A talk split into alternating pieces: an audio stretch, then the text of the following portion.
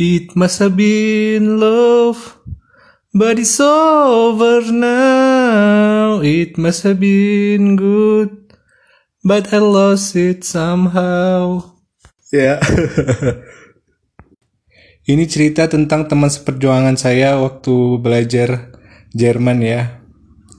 Jadi dia ini pria sudah berumur 40 tahun dan yang mengejutkan, Doi masih single.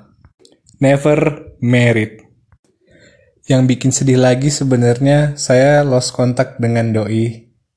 Padahal kalau masih bisa berhubungan ya saya mau interview langsung gitu kan. Doi sekarang stay di Swiss. Um, Doi seorang chef ya hmm, ya cukup cukup lama lah di bagian kitchen dan pantry. Um, jadi waktu itu saya nggak sengaja um, nanya soal tentang personal lah. Um, apakah beliau sudah menikah atau belum? Waktu itu lokasinya ya di sebuah restoran gitulah. Hmm, akhirnya setelah babi bu babi bu doi mau ceritain juga kenapa doi masih single sampai saat ini. Tapi saat podcast ini dibuat saya berharap sih doi sudah menikah ya sekarang. Dengan mata berbinar-binar beliau pun cerita tentang masa mudanya. Beliau bertemu dengan wanita impiannya yaitu merupakan salah satu customernya di tempat waktu doi bekerja ya. Hmm, jadi si wanita ini sangat mengapresiasi lah makanan yang doi buat. Wanita ini menghampiri ke dapur doi waktu itu. Doi yang lagi sibuk-sibuk motong-motong sayur pun sampai kaget hingga menggores tangan doi. Pisaunya ya. Skip cerita, mereka pun mulai menjalin hubungan lah sebagai boyfriend and girlfriend lah gitu ceritanya. Sampai pada akhirnya ya sebuah konflik. Wajar lah ya dalam menjalin sebuah hubungan ada konflik tapi bukan itu intinya mengapa mereka jadi terpisah ya. Jadi si wanita ini mengalami kecelakaan mobil lah. Sampai kehilangan short memory. Um, ya kurang lebih lima tahun. Jadi wanita ini benar-benar nggak inget kejadian selama lima tahun belakang.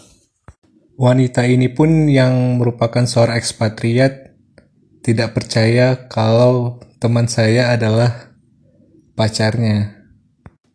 Buset dah, pokoknya kayak di film-film banget lah gitu. Wanita ini mengusir teman saya mentah-mentah waktu di rumah sakit. Teman saya pun galau segalau-galaunya. Dengan berat hati pun Doi akhirnya merelakan si wanita ini. Satu tahun kemudian, ya namanya kita kadang suka mengenang-mengenang masa lalu ya kan. Doi pun coba stalking-stalking cari tahu tentang wanita ini. Doi menemukan kalau ternyata wanita ini telah menikah. Doi yang sampai saat itu masih belum bisa ngelupain wanita ini.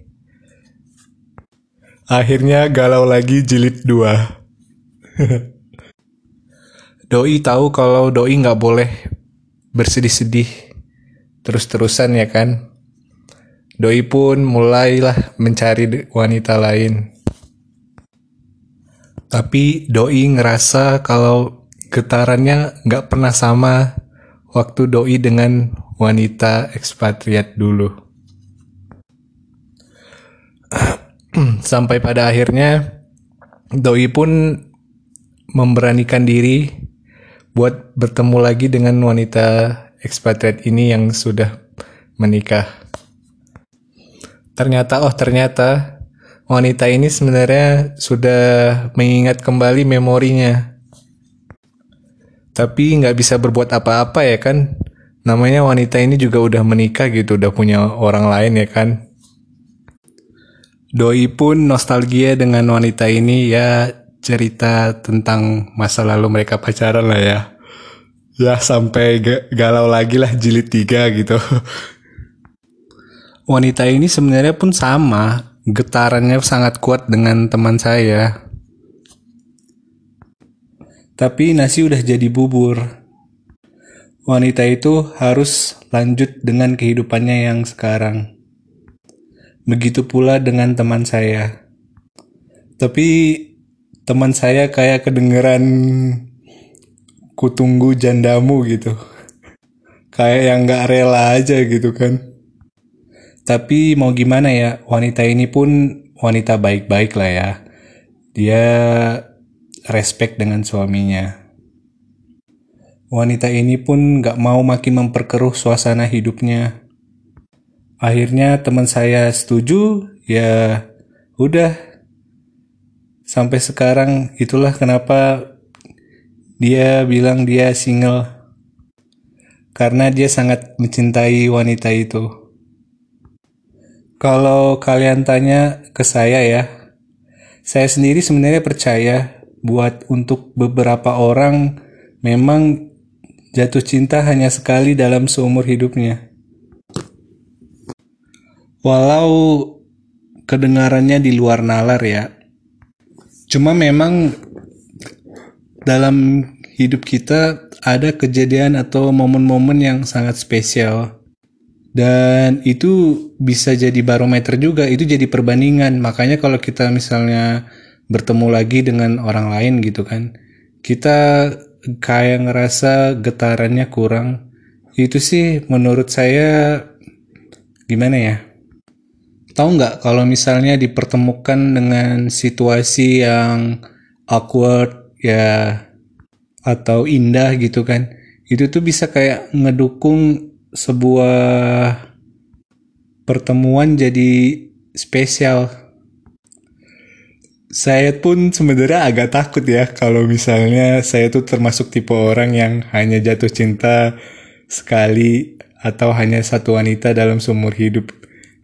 Tapi untungnya saya belajar psikologi dan saya belajar bagaimana cara memahami diri saya sendiri.